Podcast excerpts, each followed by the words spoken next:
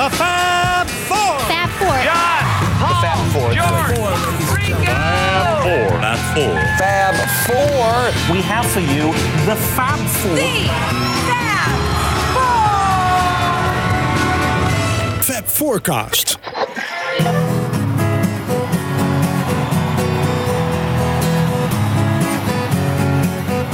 Who knows how long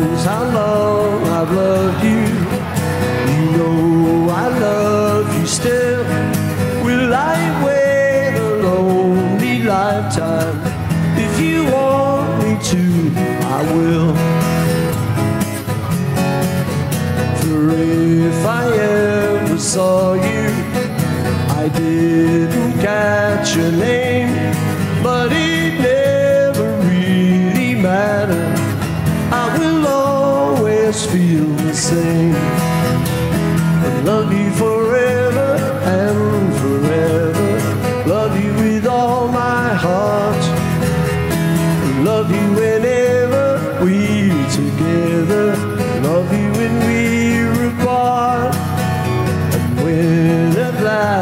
Find you, your song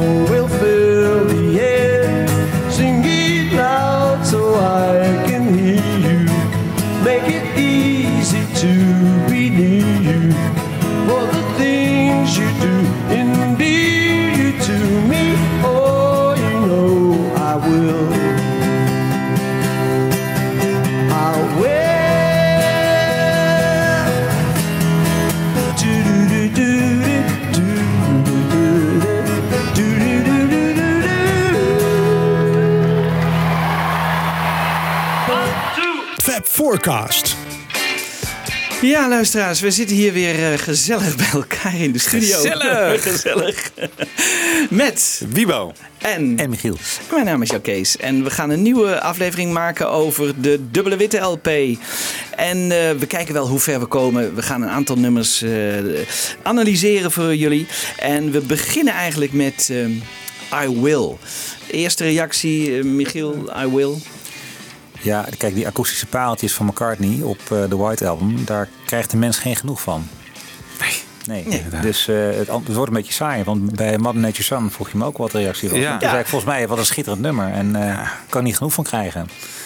En dat geldt hier ook voor, toch? Ja, dit is fantastisch. Het is perfect in alle opzichten. Ja. Ja, Wat was hij on fire in 68, toch? Ongelooflijk. McCartney. Ja. Jemig de penen. Ja, ja. wat was hij inderdaad on fire. Ja. Het is echt ongelooflijk. In een korte tijd zoveel ongelooflijk het is- historisch eh, echt materiaal geschreven. Wat, wat, wat de tand der tijd echt heeft Maar echt alles wat hij aanraakte was gewoon goud, hè? Ja. Dat Ja. is ongelooflijk, ja. Ja, Ja, en Ja. dit nummer kan je ook tot in de verre, verre toekomst, tot in eh 2516, eh, leren kinderen dat op, op gitaren en zingen dit. ja, Ja. ja, ja, Het is gewoon een absolute klassieker ook. ja. Maar dan moet ik wel even één kanttekening bij maken. Oh, nee, eh. Dit nummer is dus niet uit 1968. Wat? Nee. Mensen, wat? Ja, ja, ja, ja, ja, ja, ja. Kevin Howlett die haalt het ook aan in de dubbele witte box. Hij heeft het eh, geïnspireerd waarschijnlijk op The Girl from Ipanema. En Doug Selby zegt ook, het nummer komt waarschijnlijk uit 1966, net na Revolver. Eh, maar hij kan het dan niet kwijt. Hij kan het niet kwijt op eh Sgt. Pepper. Hij kan het niet kwijt op de Magical Mystery Tour. Eh, Yellow Submarine wil hij natuurlijk helemaal niet aan geven. Dus hij heeft ermee gewacht. En hij had er nog niet echt een tekst op. Maar de muziek is dus in die tijd al geschreven. Like when we played in Hamburg, we didn't just do rock all evening because we had to. We had these, you know, sort of uh, fat old businessman coming in and saying, uh, or thin old businessman as well, but coming in and saying, uh, you know, play a mambo. You know, can you do a, can you do a, a rumba? And we couldn't just keep saying no, you know. So we had to get into mambos and rumbas a bit.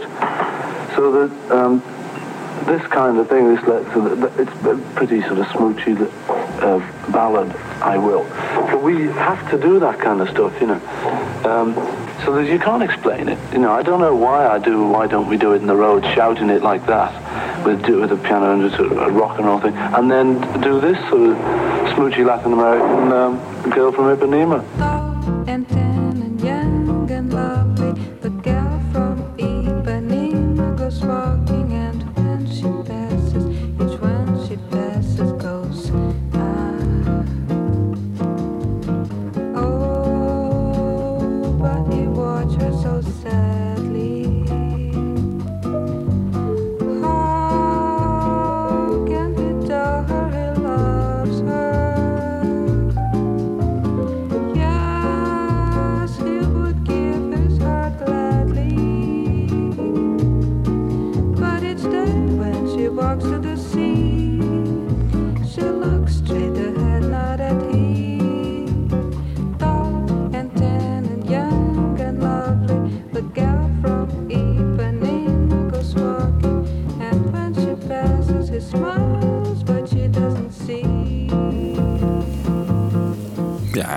I Will hier wel een beetje in, hè? Je hoort het een beetje erin. Ja. ja, daarom heb ik het ook iets langer laten staan, want dat vond ik wel heel erg leuk. Wat, wat, wat zei dat citaat nou precies? Wat wilde je daarmee zeggen? Dat ze in de Hamburg-tijd soms ook rustiger nummers moesten Ja, hebben? van waar komt dat vandaan? Hè? Dat jij ook, eh, dat vraagt die Tony MacArthur dus hè, van, eh, van Radio Luxemburg. Je schrijft zoveel stijlen. En eh, hoe kan dat? Waar komt, dat? waar komt die inspiratie vandaan? En dan zegt hij dus, ja, maar wij moesten ook in, in, in Hamburg hè, eh, allerlei stijlen kunnen spelen. Omdat de, de mensen in het publiek vroegen voortdurend, eh, speel een rumba, rumba, speel ja. dat, speel Ja. dit, dit. Ja. En eh, McCartney wilde daar graag aan voldoen. Kijk, Lennon die interesseerde dat geen bal. Die, die dacht, stik erin. Maar McCartney die probeerde daar dus wel aan te voldoen. En die eh, ging een nummer schrijven die ook een beetje die stijl hadden. En eh, dit he- nummer heeft hij natuurlijk nog niet in Hamburg geschreven. Maar wel begon hij al in allerlei andere stijlen dan de rock'n'roll eh te En, en schrijven. hoe weten we dat het inderdaad al een oude nummer is uit circa 66? Ja, dat, ik geloof dat Kevin Howlett het ook heeft gezegd. Dat zal waarschijnlijk een uitlating van McCartney zijn geweest. Het is niet zomaar verzonnen. We weten dat die muziek al langer bestond. Ja, ik heb het ook gelezen in, in, op de- in twee verschillende bronnen. Dus ehm, ja, eh, we Het moeten zijn het in ieder geval aannemen. primaire bronnen, dus het is zeer... Nou ja, eh, dit is, eh, we moeten het Ik aannemen. geloof je ook wel. Ik wil Ja, wel ja, ja, ja, ja. Maar ik, nee, ik wil dat ook altijd graag dat soort dingen weten. Maar weet je, McCartney heeft ook heel vaak dingen alleen gezegd tegen schrijvende journalisten. En dan kunnen we het dus niet laten horen. En dat vind ik wel eens jammer. Want eh, eh, bijvoorbeeld, dit, we zijn heel blij met dit Tony MacArthur interview. Maar dat is ook al heel slecht. Dat heeft iemand ooit een keer van de radio opgenomen. En daarom is het bewaard gebleven. Ah, moet je ja. toch voorstellen. De BBC gooide alles weg natuurlijk. Ook die... eh, Ja, maar dit is, Ja. eh, dit is Radio Luxemburg. Maar ik Oh ja, weet niet, precies, misschien dat het bij Radio Luxemburg nog... Maar het is nooit boven water gekomen. Dus Paul die had die muziek hè, in Rishikesh, maar hij had nog geen tekst. Eh, hij heeft nog geprobeerd iets met een Manus onderwerp. Maar thuis in Londen heeft hij er dus I Will van gemaakt.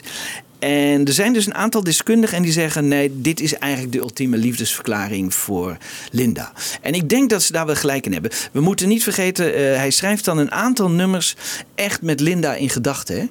Eh, Honey Pie is ook zo'n nummer dat hij echt. Maar hij schrijft het nooit rechtstreeks naar haar. Dus hij, eh, en hij zal ook nooit zeggen dat het voor haar is. En dat is wel interessant. Ik kom daar later nog op terug, ook bij andere nummers.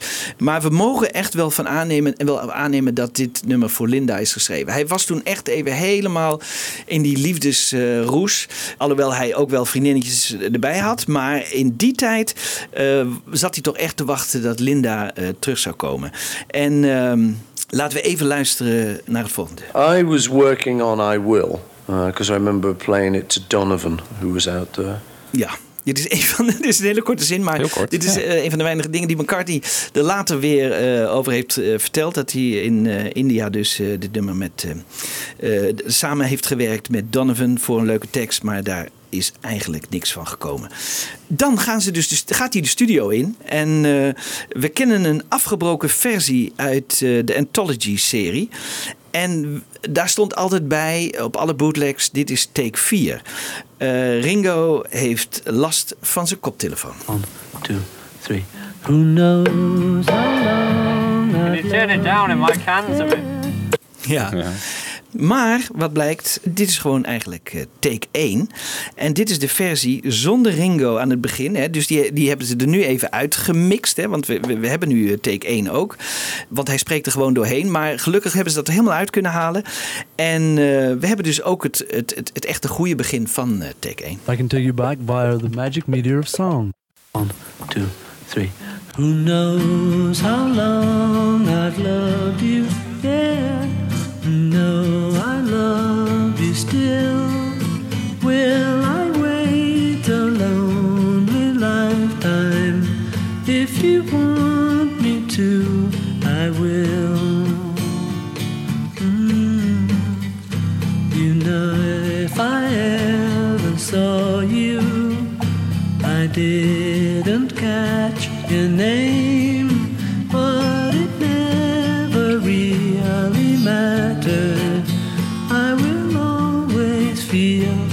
same. Love you forever and forever. Love you with all my heart. Love you whenever we're together. Love you with all my heart. And when at last I find you, your song will fill.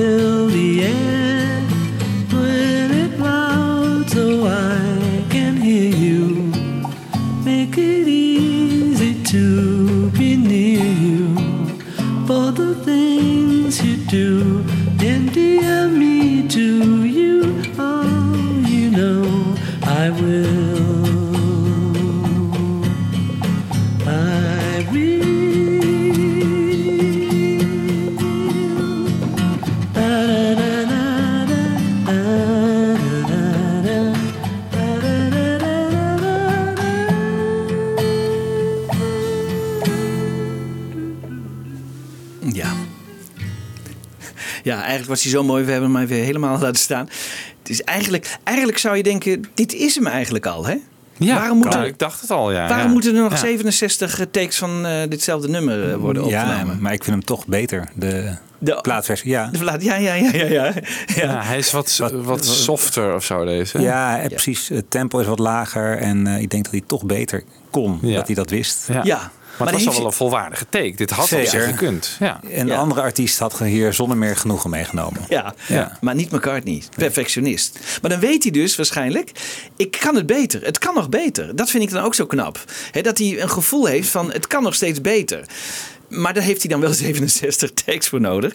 Maar Heeft hij in al die takes eh, Nee. eh, meteen ehm, gitaar en, en, en, en zang altijd samen gedaan? zeg maar? ja, ja, dat heeft hij wel gedaan. Maar hij heeft er ook wel heel veel grappige dingen tussendoor gedaan. Dat en, het en- even half- En ook andere nummers er tussendoor gespeeld. En John had op een gegeven moment genoeg en die ging in de controlekamer zitten. Dus er- er- gebeurde wel heel wat. Maar ik denk ook dat hij het leuk vond gewoon. Hij vond het een lekker nummer. En dan, dan dat is net als met Blackbird, hè, dan kan hij het eindeloos. Spelen. En, en, maar dat levert misschien ook wel een soort perfectie op. Want hij, eh, hij weet het dan toch die concentratie te behouden. En tot het eind toe eh, eigenlijk steeds beter te maken. Eigenlijk is hij dus al compleet. Hè? Maar eh, hier ook weer een microfoon op de gitaar. En een microfoon op de stem. Laten we even luisteren naar het gitaarwerk.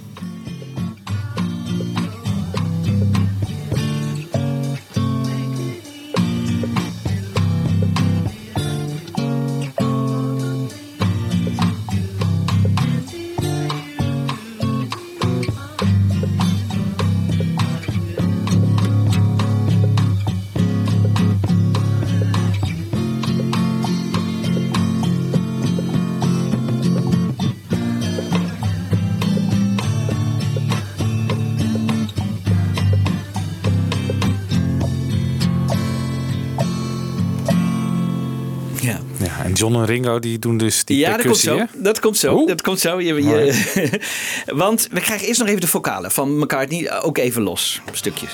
For if I ever saw you, I didn't catch your name, but it never really mattered. I will always feel the same. Je hoort dat hij heel dicht op die microfoon zit. Hè? Dat is Ja, wel dat grappig. hoor je, ja. Dat hoor je. En dan de percussie. Ringo op tomtom. En John op maracas en cymbals en skulls. Weten jullie wat? eh, Skull, dat is een eh, skelet. Ja. eh, zo, zo'n Ja. hoofd. Ja, dat zou kunnen, ja. De skelet mee in de studio. ja, ja, ja. Nou, Ja. laten we maar eens even luisteren wat ze er vanaf brengen.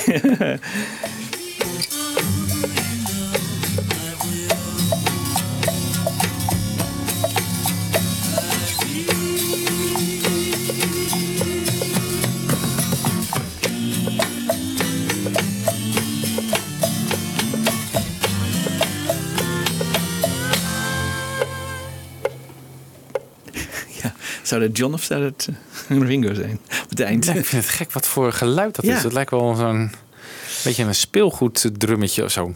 Ja, Ik weet niet wat het... Ja, hij heeft ook een stuk metaal ergens tegenaan. eh ze, ze, ze probeerden vaak ook Ja. dingen uit. Hè. Het zijn Ja. ook niet altijd officiële instrumenten. En eh, ze probeerden vaak dingen. Als ze een geluidje leuk vonden. Ja. Hè, zoals McCartney die dan op een boek... eh, Boek slaat, ja. Dus dat soort dingen.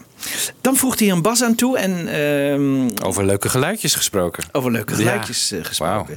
Dit is denk ik de enige keer hè, dat hij eh, Mondbas, ja. bas met zijn stem maakt. Dus een basgeluid met zijn stem. Dat is eigenlijk heel erg leuk. En Eh, hij doet dat samen met een tweede gitaar. Dus iedereen luistert naar Paul McCartney op zijn vocale bas. Who knows how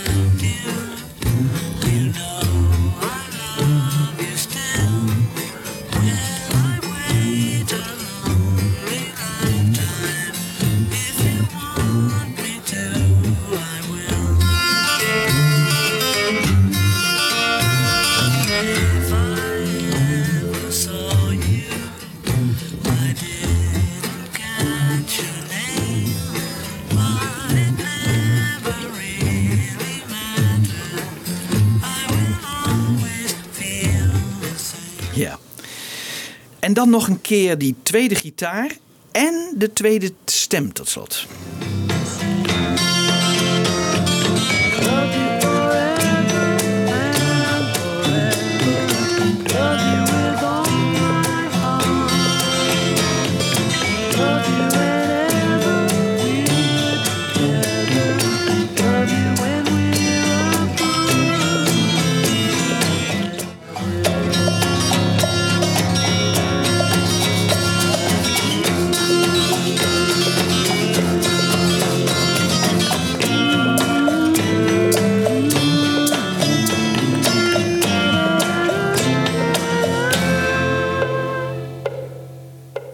I Will sessies. Ehm, ja, Ja, mooi die tweede stem ook, hè? prachtig. Ja. Heel mooi. En ook dus een nummer voor, ehm, voor Linda waarschijnlijk. Hè? En eh, dat is wel heel erg leuk. Want het volgende nummer is eigenlijk ook voor Linda.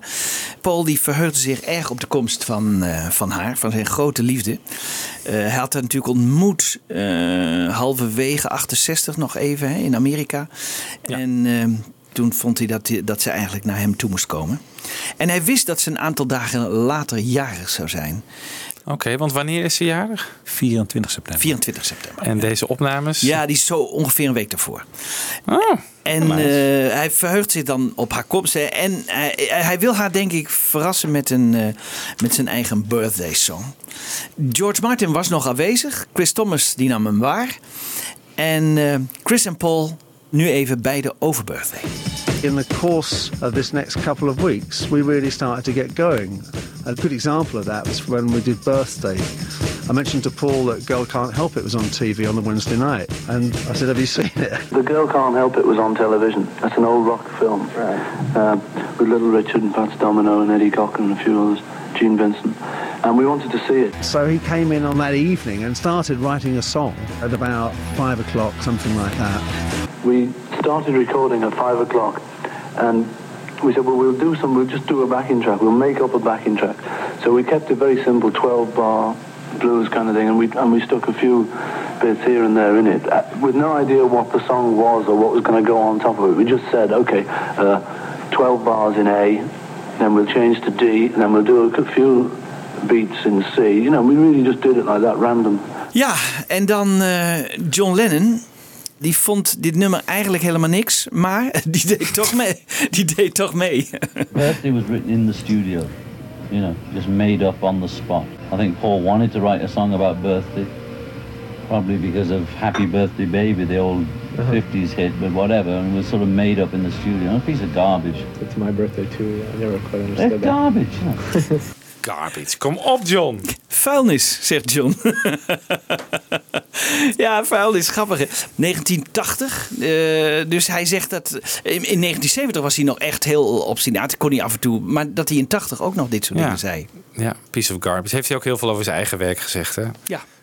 Nou ja. Glass Onion. Ja. Maar ja, hij veranderde ook per dag van mening vaak. Hè? Dus, eh, maar Ja. goed dat hij dit in 1980 nog zegt. Ja, heel gek. Heel gek.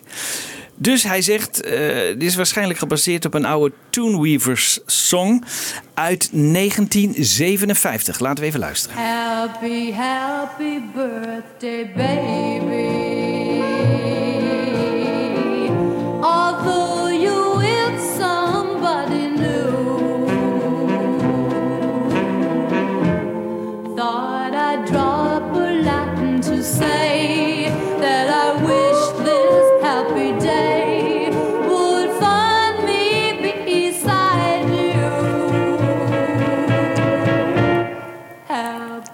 Ja. dit is er ook gek, Wiebo. Hè? Ik bedoel, eh, Ja, dat wilde je nou elkaar niet weer even neerzetten? Zo van- Puur voor de titel, omdat er een, een verjaardagsliedje. Ja, ja. ja dit is, dit- ik, ik blijf Maar John zegt het ook niet zomaar natuurlijk. Die, het zal ongetwijfeld wel toen Nou, ter sprake zijn ge- gebracht, toch? Maar ik heb wel eh, betere voorbeelden waar het waarschijnlijk vandaan is gehaald. Hoor. Maar dat komt zo. Maar eh, het is dus op die dag. Hè, het is iets voor vijven. Chris Thomas maakte hem attent op The Girl Can't Help It. En Chris weet nog dat hij oefende met de riff. So he had this plan that uh, we'd all start about five o'clock in the afternoon, and he was working on this riff when I arrived. And and we put down, we worked on it for sort of like about couple of hours, two three hours. En als we eh, goed luisteren, dan klonk die riff ongeveer zo in zijn eenvoud.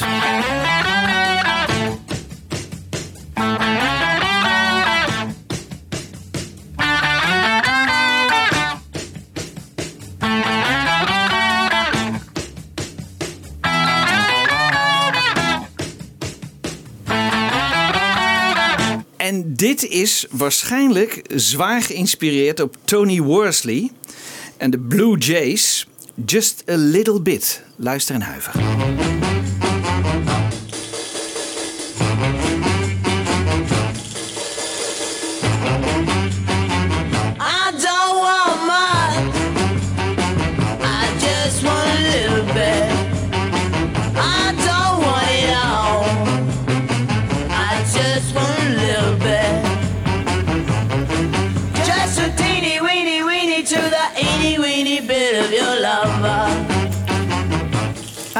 Het begint er toch aardig. Hè? Het is exact dezelfde riff bijna, hè? Ja, behalve bijna. iets... Ja. Iets, iets, iets Een kleine variatie Ja, het. Van wanneer is dit dan? Is het ook eh, de Oh, klinkt dit- 60s ook? Ja, dit, dit is ook. eh, en dan, dit is take 2 van de Beatles van die middag. Paul schringt, nou, die schreeuwt er eigenlijk een flink stuk op los.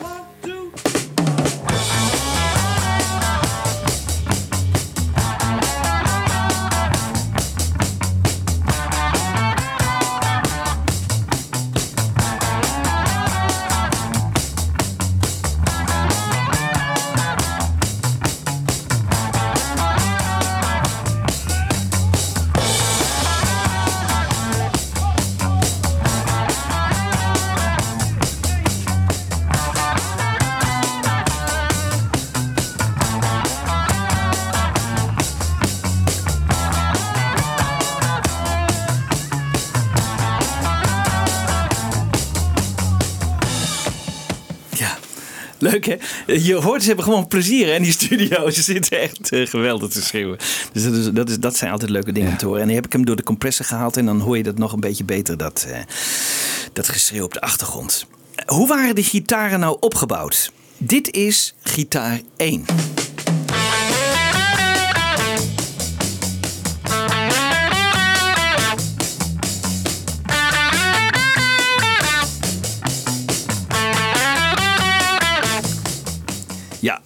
En dan heb je natuurlijk eh, gitaar nummer 2.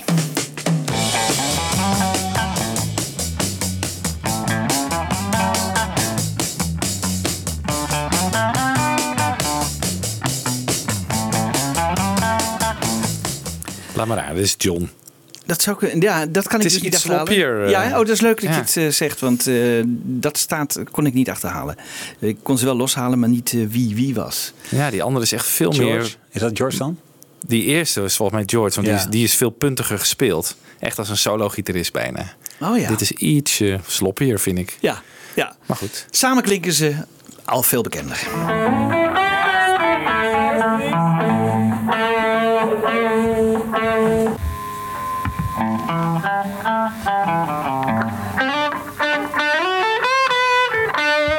Okay, Paul, you ready, boy? This is it.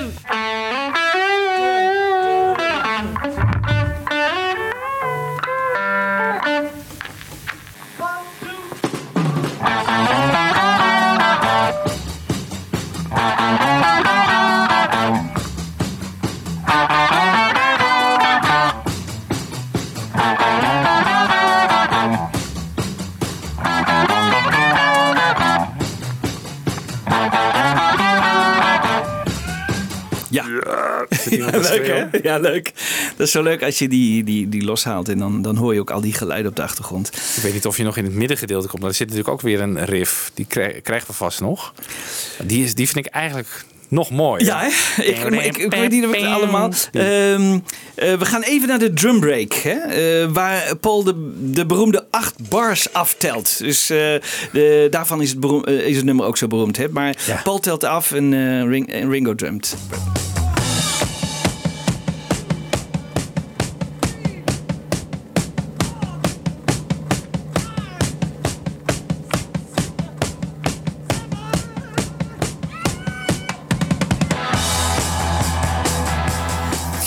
Gaaf. Ja, ja. Het is eigenlijk, weet je, twist and shout, daytripper, dat gevoel bij het opbouwen naar iets groots. Hè? Ja. Dus, eh, dat komt als geen ander. Ja, ja.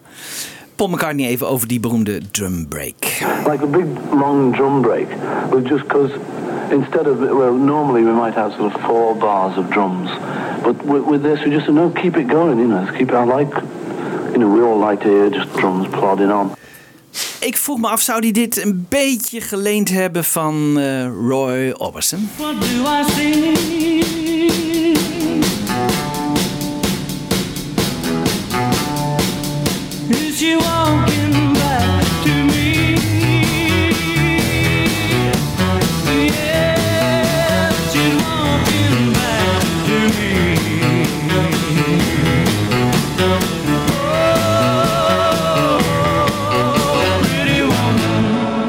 Dat likje eigenlijk heeft er ook wel iets van. Ja, hè? ja, ook dat weer, hè? Ja. Ja. Hij heeft volgens mij ook wel een beetje geleend. eh. Ja. ja, en dan gaat Paul zelfs zijn bas overdubben.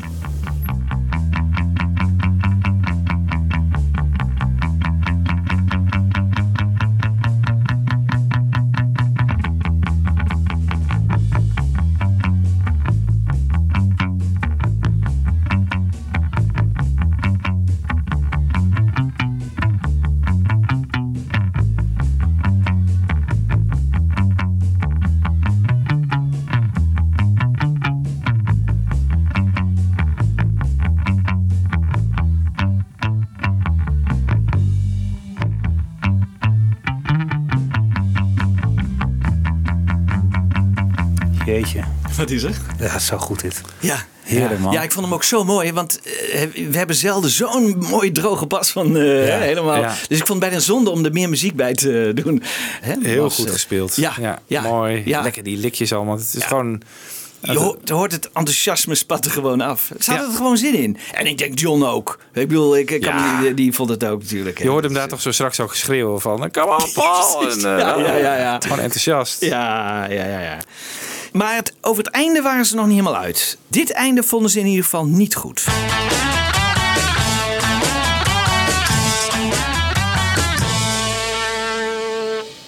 Daar moet nog wat achter. Ja, ja, ja daar waren ze nog niet. eh, maar dit is wel grappig. Dit, tot zover kwamen ze dus tot aan de pauze. Hè, want nu gingen ze naar, eh, naar het huis van Paul McCartney, Cavendish Avenue. Hè. Ze gaan de Girl Can't Help It eh, bekijken. Hoe lopen ze daar dan naartoe? Dat stel ik me even gewoon, gewoon voor. Hè? Of gaat het met de auto? Ja, ja. Even over het zebrapad zo naar Pauls huis. Ja. Ja, dat is, dat is die hele kolonne van Beatles. Dat, is, Ja. dat moet toch geweldig zijn geweest? Nou, dat is- dit is vast met de auto. Met de auto, denk ik hoor. Ja. Ja? Ja, Het is, hoe lang is het lopen? Toch Nou, even het is- vijf, vijf ja. minuutjes lopen. ja Vijf minuten, Niet ja. eens bijna. Niet eens. Ja. Niet Het is heel eens. kort. Ja, het is heel kort, ja. Ja, hè? Dus Ik toch met de auto? met de auto ging, ja. hè? Ja, hele dat kolonne met auto's. eh, die Waarschijnlijk. er stonden allemaal fans natuurlijk gewoon Kan erbij. niet. Ja, nee, dat kan bijna niet. Nee. Nee, maar het idee is leuk, hè? Het idee is leuk. ja, ja oké, laten we even luisteren. Help it, the girl can't help it. She can't help it, the girl can't help it. If she walks by, the men folks get in roll. She can't help it, the girl can't help it. If she winks an eye, the bread lights turn to toes. She can't help it, the girl can't help it. If she got a lot, or what they call the mo.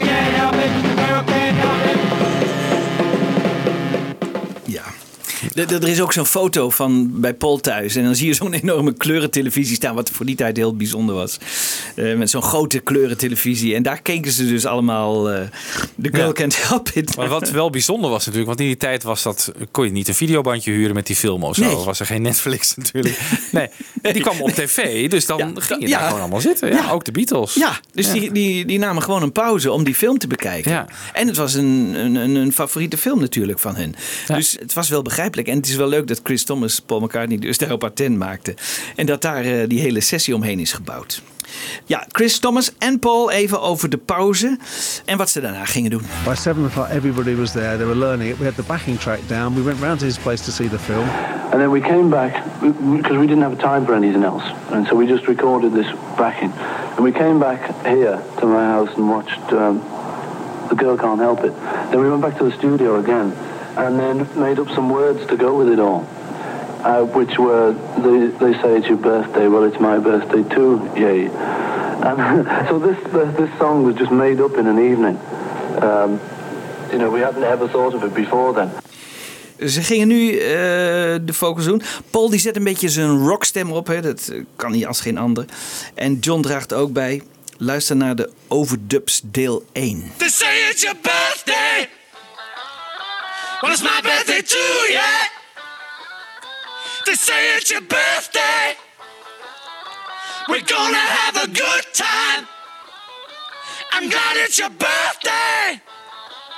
Happy birthday to you.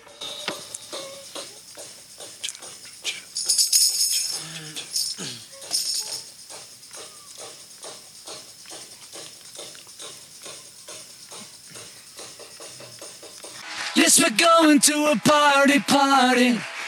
Yes, we're going to a party, party. Yes, we're going to a party, party. Prachtig. Ja, mooi hè. Dit is echt... eh, en ook John doet zijn geweldige best. Dus eh, ondanks dat het vuilnis is. En ehm, nu even Chris eh, Thomas over de vocalen. They did the vocal, wrote the vocals. He wrote the wrote the lyrics with a bit of help from John, and uh, basically put this whole song together. And I think who was there? I think Yoko and Patty were there singing backing vocals, and the whole thing was finished, absolutely done and dusted in like in one night. It was brilliant. Written, recorded, the whole thing. Joko en Patty, dat is een bijzondere combinatie. Hè? Dat eh, gebeurt niet veel natuurlijk. En eh, ja, Joko komt nogal voor op de dubbele witte. Maar eh, dat ze ook echt meezingt op een Beatle-nummer, nou, dat is wel weer bijzonder. Luister naar hun bijdrage samen met die van Paul en John. Take a cha cha cha chance. Birthday. I would like you to dance. Birthday.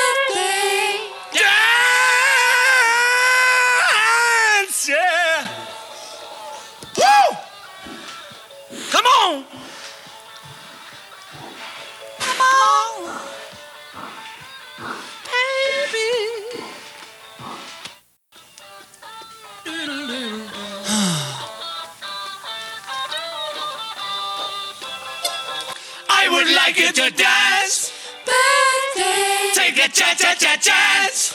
Birthday. I would like you to dance. Birthday. Dance.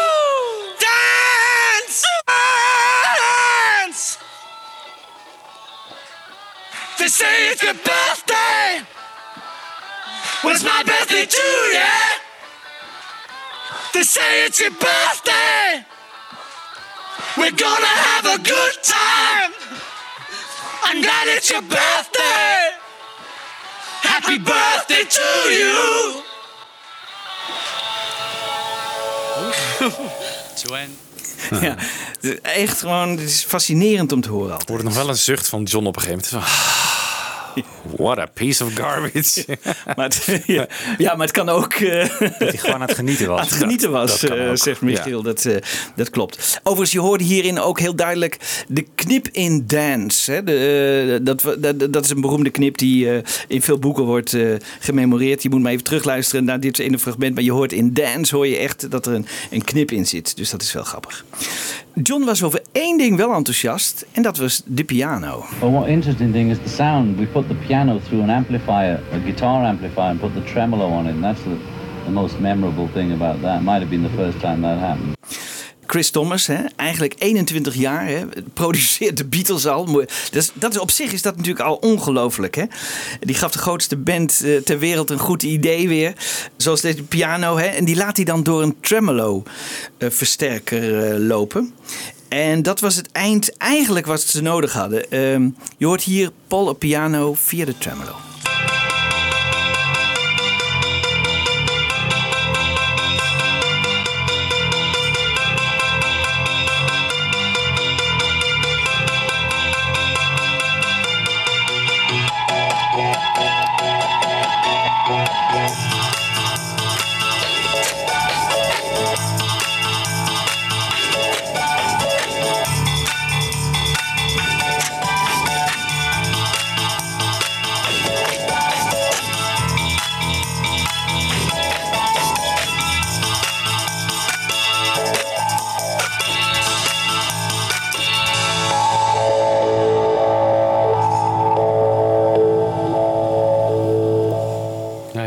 Dus de, piano gaat door een gitaarversterker waar dan een tremolo effectje Ja. op de knopje open staat. geeft inderdaad een schitterend effect. Het einde is ook heel mooi. Ja, zeker. Is toch, ik vind het echt van zo'n 21-jarige, ik bedoel, hè, die dan zelf met dat idee komt, vind ik echt fantastisch. Moet je je voorstellen, ik bedoel, die, die- Ook een talent die Chris Thomas Ja. natuurlijk. Ja, Ja. die heeft Ja. later natuurlijk ook nog Ja. eh, heel veel dingen gedaan in de popmuziek. ja, maar dat hij dan het zelfvertrouwen heeft hè, bij de Beatles en met die ideeën. En hij komt later ook met Piggies en zo, met de klaversymbol en dat soort dingen. Hij, hij is echt goed bezig. Die, Ja.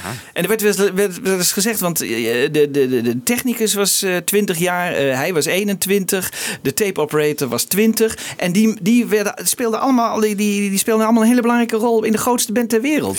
Dat is toch ook eigenlijk weer eigenlijk heel bijzonder. Heel bijzonder. We sluiten af met eh, Chris Thomas zelf en Paul McCartney. Allebei heel blij met dit nummer. Maybe it's just the fact that they saw a deadline in sight and they wanted to finish a lot of songs. They probably made the decision that they wanted to do a double album. The whole thing really started to get a momentum. And I, but I must admit, when George came back from holiday, he was really shocked because I think we'd done seven tracks or something like that. and it's one of my favourites, you know, because of that. I think it works, you know, because it's just it's a it's a it's a good one to dance to. So um, no more explanation. It's uh, called birthday. I always think that Paul was like the engine in the Beatles. He was the one that really set this standard of like, we can do it better than that. We can get it better than that. If there were three of them there, you could be working with Paul and George and Ringo, for instance. You were getting on with stuff. When there were four, something completely different happened. Totally different. And it was almost like there was a sort of a, a shell around them. And I've spoken to George Martin about this. He says exactly the same thing. But it really struck me. It was strange the way the chemistry changed completely when there were four. Very, very strange. Ja, met z'n vieren. Dan gebeurde er iets. Dan gebeurde er iets. Ja, leuk beentje werd het toen. Dat hebben we al Ja. eerder vastgesteld in deze podcast. maar goed, als je nog meer open deuren hebt, Jan Kees. eh, Dan hoor je het graag. Goed, eh, Michiel, nou speciaal voor jou eh, de instrumentale versie van eh oh, ja, Piggies.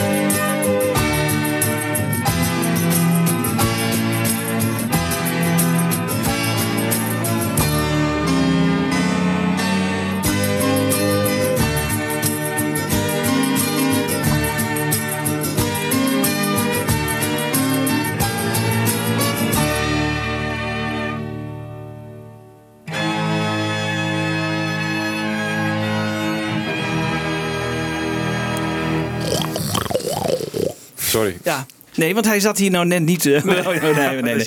Oké, maar Michiel, jij, jij, jij was eh, heel enthousiast hierover. Maar je hebt misschien gehoord, dit was langzamer.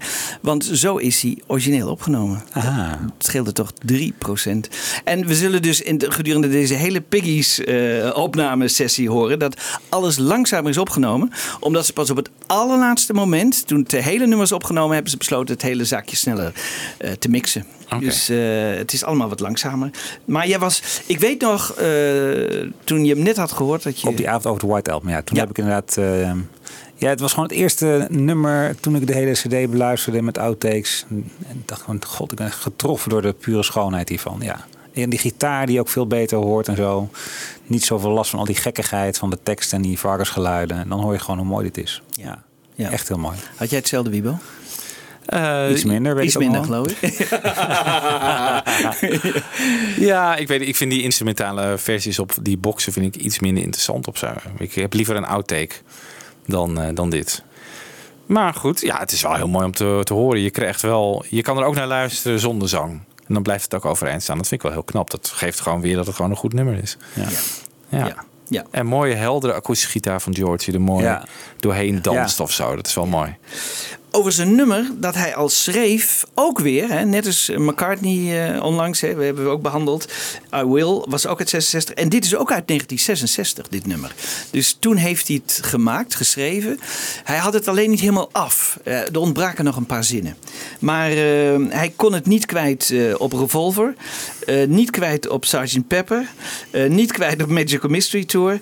Hij wilde het waarschijnlijk ook niet weggeven aan Yellow Submarine. Dus toen kwam uiteindelijk kwam het terecht op de dubbele Het is wel grappig hè, dat we naar de, de, de, de White Album niet zo bekijken. Maar het is natuurlijk een ideale vergaarbak voor, voor jarenlang opgestapelde ideeën. Ja. Eigenlijk zo'n dubbelalbum. Ja. Ja. ja. Want inderdaad, het past op voor geen meter op Revolver of, eh Nee. of Pepper of uh, Nee. Magical Mystery Tour hoor, je het ook niet. maar hier is het weer. Ja. Very good, Michiel, for noticing that. Is het nou? Hij luistert mee, jongens. Ja, Ah, die houden erin. Eh, ja. ik vind dat voor jullie moeten er dan ook wel één zijn. Hoor. Ja. Anders, eh, Ja, Maar- overigens, ja. ehm, even weer tot de orde. George beschrijft die periode van de White Album overigens wel als heel moeilijk. The worst time, I think, was the White Album. Although it was a good album and we made it through the, those sessions, during those sessions, was a very difficult period. Also, it was a double album, it went on forever. That was when the rot started setting in, really. Being together for so long, one of the problems became that we pigeonholed each other. We had preconceived ideas of what each other was, and we limited each other too much, and it had to happen. Ja. Ondanks al die moeilijkheden ehm, eh, komt hij toch met, eh, met dit nummer. En eh, op 19 september verschijnen alle drie Beatles. Eh, John die schittert zoals gewoonlijk door aanwezigheid bij een George nummer. Die komt dan ook gewoon niet opdagen. Hè. Dat, is ook, dat is echt dat is ook een hork. Hè. Eh, in Studio 2. Eh, de eerste 10 takes weten we niet veel van, maar we hebben wel 15 seconden uit die eerste 10 takes. Dus nou ja, hè, eh, ook al is het klein, we laten het toch even horen. I'll just be singing to guide you. Two, three, four. In the stars with all the backing folk. Ja. Dat komt uit die collage, jullie kennen het allemaal wel hè, van Anthology. Anthology, ja, zeker. Maar nu om te weten hoe het ongeveer geklonken moet hebben, die eerste 10 takes, hebben we gelukkig Bob de Jong. Ja, eh, hij is hier wel eens aanwezig geweest. En hij maakte ooit een mix tussen de studio en de demo hè, eh, bij George thuis. En met grote waarschijnlijkheid zal het ongeveer in deze richting geklonken hebben.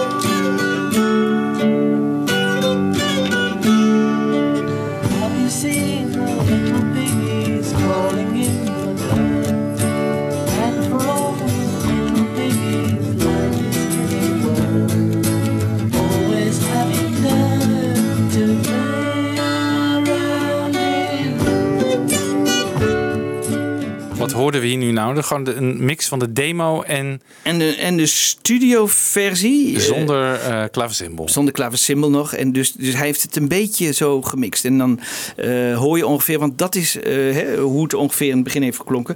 De bas van Paul McCartney zal ongeveer zo hebben geklonken.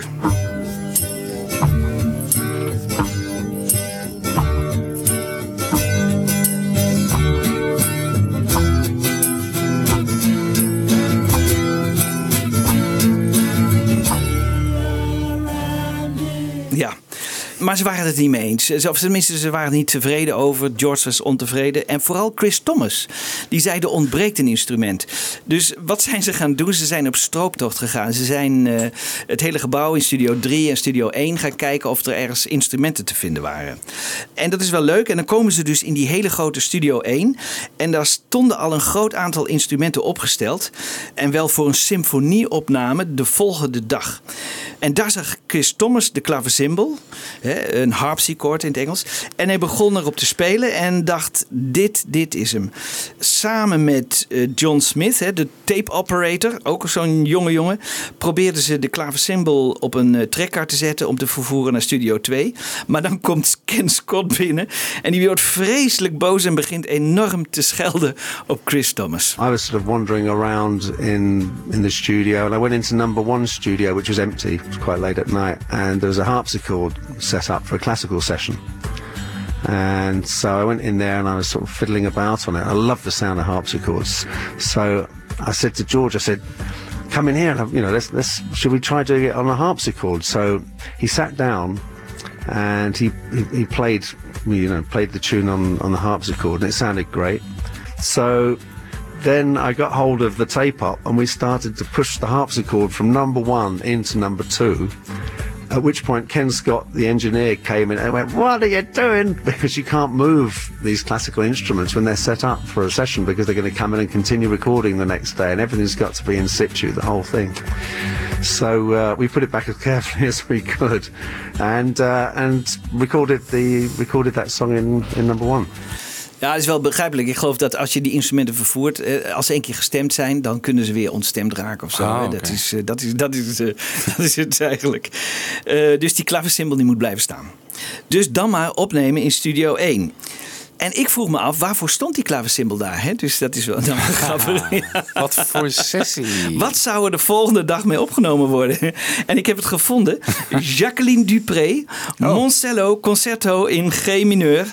Hij, hij is te horen. Eh, geen prominente rol. Ik heb er 28 seconden van. Opgenomen op 20 september 1968, Studio 1. Eh, Hoe kom, je Jacqueline hoe kom je daarachter? Dupré. Heb, jij de, heb je een logboek van alle? Nee, de, de, in een van de Beatles boeken stond genoemd die. En toen moest ik nog zoeken eh, naar Jacqueline Dupré. En toen moest ik nog zoeken naar die, die speciaal in Abbey Road was opgenomen. Zij was celliste, hè? Ja, ja, ja. En Ja, heel wat tragisch. goed. Zij heeft ALS gekregen op jonge leeftijd. Oh ja? Ja, heel, heel tragisch. Ja. Oh, wat, Ja. eh, Ja. wat goed dat jij dit allemaal weet. Nou ja, ehm, Mag even die tune nog een keer... eh, we- Very good, Michiel, noticing that. Oké, laten we even een stukje horen dan de klas- klassieke muziek.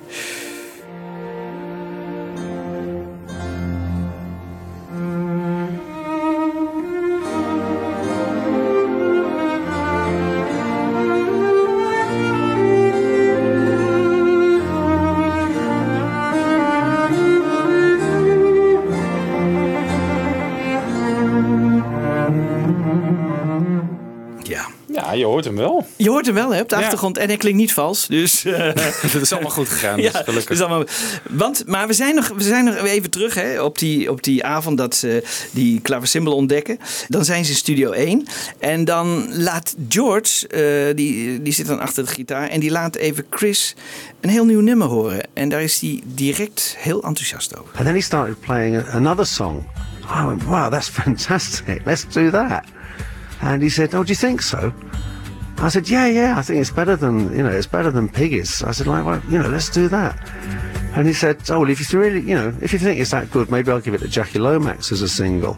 Because Jackie Lomax was an artist they'd signed on Apple. And he'd just done a, a, a record that George had produced, George Harrison had produced, called Sour Milk Sea. And uh, that song was called Something. Something in the way she moves attracts me like no other lover.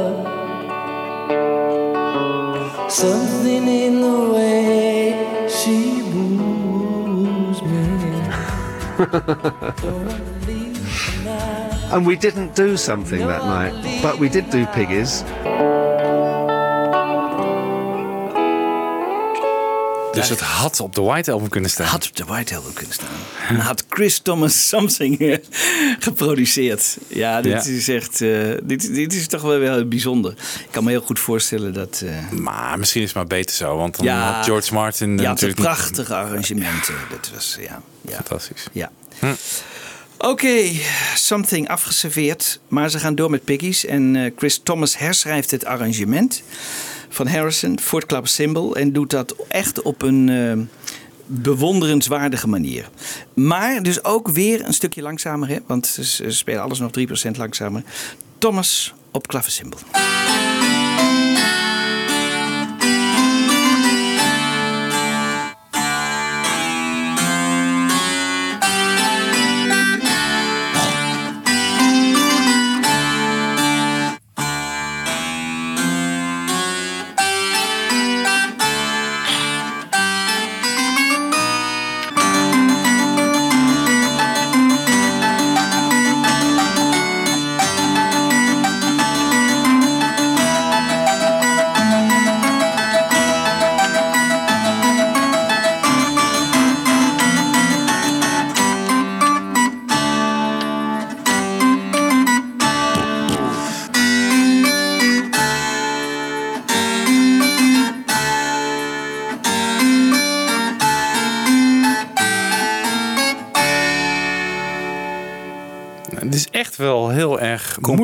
Complex, moeilijk. absoluut. complex om Ja, te spelen, joh. Ja, zeker. Is- Ja, ja. dat zit ingewikkeld aan elkaar. Ja. En waarschijnlijk helemaal, dat, dat verzonnen door Chris Thomas. Hè? Dus gespeeld, maar ook verzonnen. Dus dat is, dat is Ja, echt... nou, dat likje zat na- natuurlijk al wel in de demo van Oh, ja. George. Ja. Maar hij heeft het helemaal... Het is bijna inderdaad middeleeuws. Klinkt het door het klaversymbol natuurlijk ook. Maar het is heel mooi gearrangeerd door hem. Ja. Mooi gespeeld. Ja. Wauw. Ja.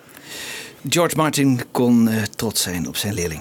Ja. George over de, ehm, dus eh, George Harrison over de geschiedenis van Piggies. eh, en de belangrijkste rol die, de belangrijke rol die zijn moeder eh, daarin speelde, Louise.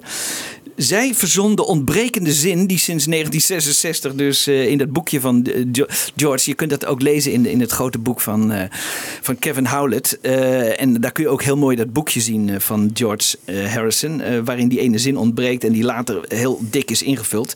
En zijn, want zijn moeder komt met de zin, what they need's damn good whacking. En daar was George helemaal blij mee. Piggies for me was like, know, I, I, think it was um, a social comment, wasn't it? It still, still works. That one I wrote about two and a half or three years ago, but I never finished it. I needed one line in the lyrics, and it was in a book. I had put the lyrics in a book at home. I forgot completely about it until last summer when I dug the song out and I got my mother to finish the lyrics. She just gave me uh, one line. There's something lacking, what they need to damn good whacking. Dan eh, neemt George de vocals op, samen met de percussie van Ringo en de tamboerijn. Have you seen the little piggies crawling in the dirt? And for all the little piggies, life is getting worse. Always having dirt to play around in.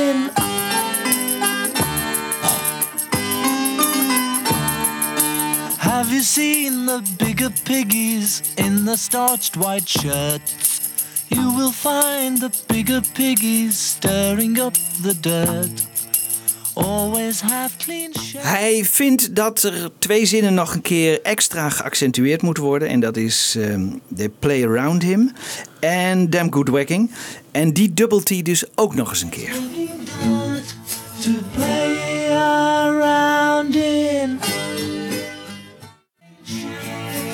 To play around in. To damn good working. Dat was eh, dus de laatste, hè? dus dan zijn de vocals helemaal klaar.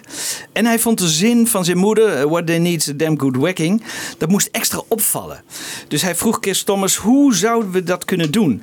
En die kwam met het voorstel om het door de equalizer te laten lopen. En alleen, ja dit is wat technisch, maar 3,6 kilohertz door te laten. En dan krijg je een soort telefoonachtige stem.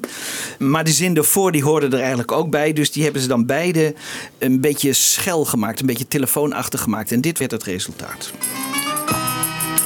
In the skies with all the backing, they don't care what goes on around. In their eyes, there's something lacking. What they need's a damn good whacking. Ja, en dat dat goed werkt, want ik dacht, hey, eh, ik ga het zelf ook eens even doen bij, eh, bij George. Hè, dus die 3,6 kilohertz, dan haal ik hem af en toe even die 3 ki- ki- 3,6 kilohertz eruit. En dan kun je horen dat het een heel goed idee was van Chris Thomas, want het, het valt inderdaad eh, gewoon heel erg op. Have you seen the little piggies crawling in the dirt? And for all the little piggies, life is getting worse. Always having dirt to play around. Ja, het, het dringt op een of andere manier heel, Ja. heel fel door. hè? En het komt ook in een soort bridge in het nummer natuurlijk. Hè? Waardoor je gewoon even net wat anders moet doen dan de coupletten. Ja. En dan is het een heel mooi effect. Ja, en ik dacht, eh, zou hij heel erg trots zijn op zijn moeder of zo? Dat hij heel erg leuk vond dat die moeder die zin heeft gemaakt, dat hij die daarom wilde accentueren. Want qua tekst is het helemaal niet zo bijzonder, maar dat zijn moeder hem misschien had geschreven, dat, dat, dat is het enige wat ik me kan bedenken. Hè? Ja, maar het zit ook wel op een moment in het nummer wat ik denk van... eh daar, gaat ook, daar komt ook meer Ja. tempo in. Ja, hè? ja, ja, ja, ja, ja. Daar kan, En daar je kan het even. ook wel wat meer afstand tot de luisteraar, voor mijn gevoel, met zo'n rare stem. Oh ja. Zo van, dat Ja. nummer die, die moet je niet te serieus nemen ook of zo. Hè, Dat, dat, dat wordt ook iets meer benadrukt. Ja, ja. Nou ja, dat is, dat is interessant. Ja. En, en John, hè, die bemoeide zich zelden met de nummers van George. Maar die vond Piggy's wel een grappig idee. En hij was toch in de tape eh, library, hè, in de tape bibliotheek van Abbey Road. Omdat hij iets moest zoeken voor Glass Onion. En eh, hij zou wel even gaan zoeken naar varkensgeluiden. Ik zou wel even gaan zoeken. Let me do that. eh. en hij kwam met, met, met deze voorbeelden.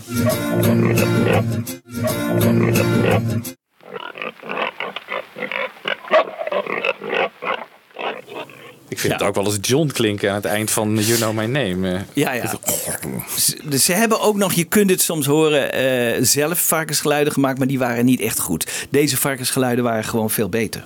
Dus dat is wel, wel weer interessant. eh. dus het, het werkte wel. Het was wel goed dat, eh, dat John die varkensgeluiden uit de tape library heeft gehaald. Ja, John wilde zelfs helpen met de tekst, dus dat was ook wel leuk. Eh, en hij gaf George een paar tips die hij ook eh, overnam. Eh, John erover. I gave George a couple of lines about forks and knives and eating bacon on uh, Piggies or whatever, that famous depression song that he wrote. Yeah. Was dat Depression Song? Ja, famous depression song. Ja, wat bedoelt hij daarmee? ja, het is echt Jeetje, weer... het kunnen twee Ja. dingen zijn natuurlijk. Maar Het is, het is, eh, volgens weer- mij is het, het is geen compliment. Nee, het is uit hetzelfde interview volgens mij ook weer. hè. Dus John, ik, dus we moeten denk ik niet als ja, een maar hij zei ja, social comment, de Ja. Great Depression, misschien ging het daarover. Maar Oh, de, ja, ja, ja. Ja. het zou ook nog kunnen. Als ze geen eten hebben of zo. Ja. Nou, Nou ja, toen de, toen de backing vocals werden opgenomen, wilde John hè, bij de gratie gods dan nog wel zijn eigen tekst die hij had voorgesteld zingen. Maar je moet wel goed opletten. John zingt hier eh, heel laag, dus bijna een soort bariton. Dus de lage stem er wordt ook zelden genoemd eh, op die, in, in al die boeken. Maar ik dacht in het laatste boek van Kevin Howlett wel eh, dat John hierop meezingt. Everywhere there's lots of piggies living piggy lives.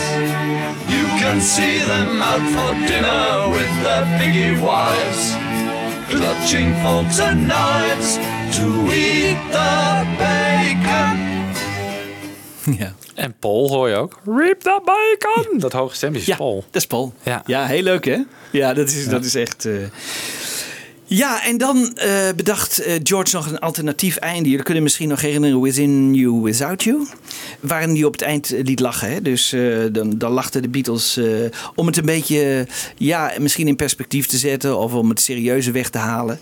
En dit keer namen ze een sarcastische lach op.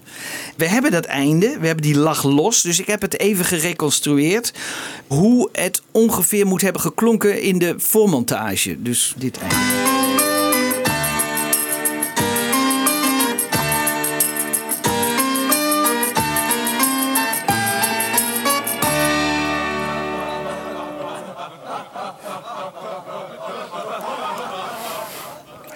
Bijna exact hetzelfde als Within You Without You. Dat is toch gek? Ja, dus hij kwam Ja. weer met hetzelfde idee eigenlijk. Ja. Ja. Het werd ook direct, toen George Martin terugkwam, werd het direct afgekeurd. Hij zei, je moet niet in herhaling vallen en eh, ik schrijf hier wel wat voor. Dus ik, eh, Schrijf wel wat voor. ja, ehm, en hij doet dat weer als van ouds. En dit is het, het complete George Martin arrangement eh, voor Piggies.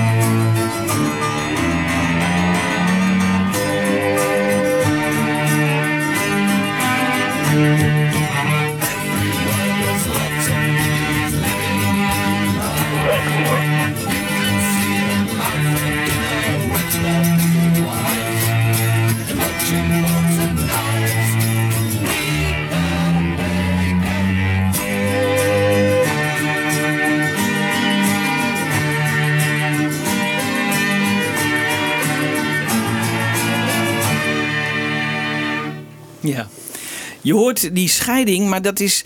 eh, waarschijnlijk hebben die, die eh, klassieke violisten en, en muzici ehm, gespeeld bij eh, gewoon de, de opname van de song. En die horen ze dus, maar die kunnen ze niet over de koptelefoon horen, want dan horen ze hun eigen instrument niet meer. Dus ze moesten het via de speakers horen. Ah, dus ja. daarom hoor je ze nog vrij goed. En hierbij is, het, is de scheiding eigenlijk minimaal. Dat viel me op. ehm. En dan, in plaats van het lachen op het eind, hè, dat vond eh, George Martin dus niks, schrijft hij dus eh, dit welbekende eindstuk.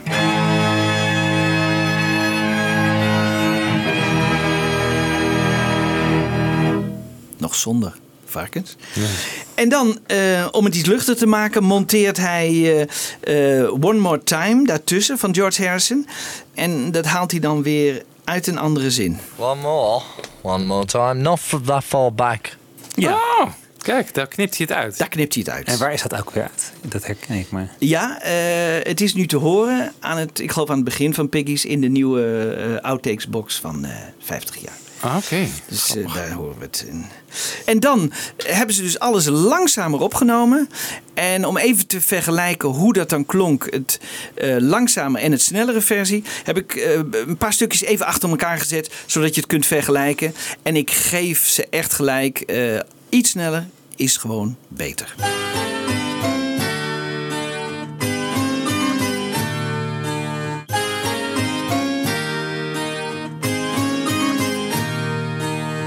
Seen the little piggies crawling in the dirt? Have you seen the little piggies crawling in the dirt?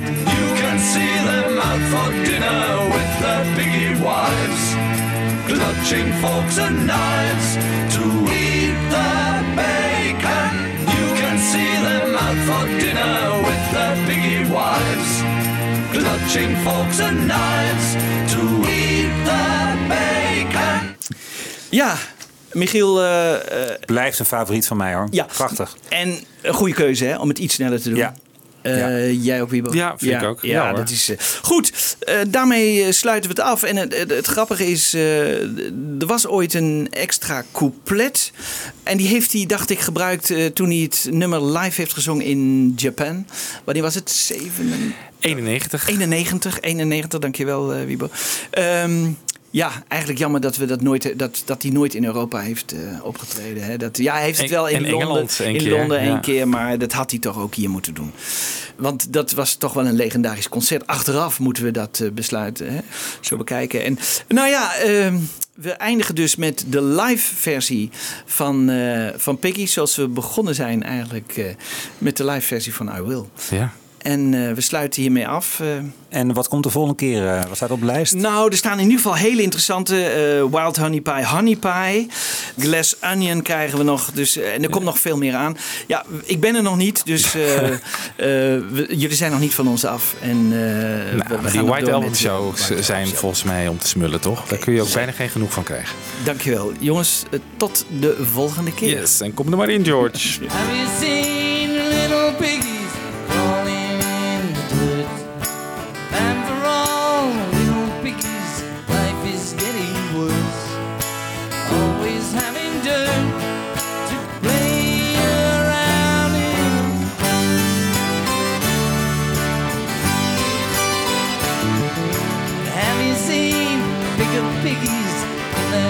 starch white shirts? You will find the bigger piggies stirring up the dirt. And they always have clean shirts to play around in.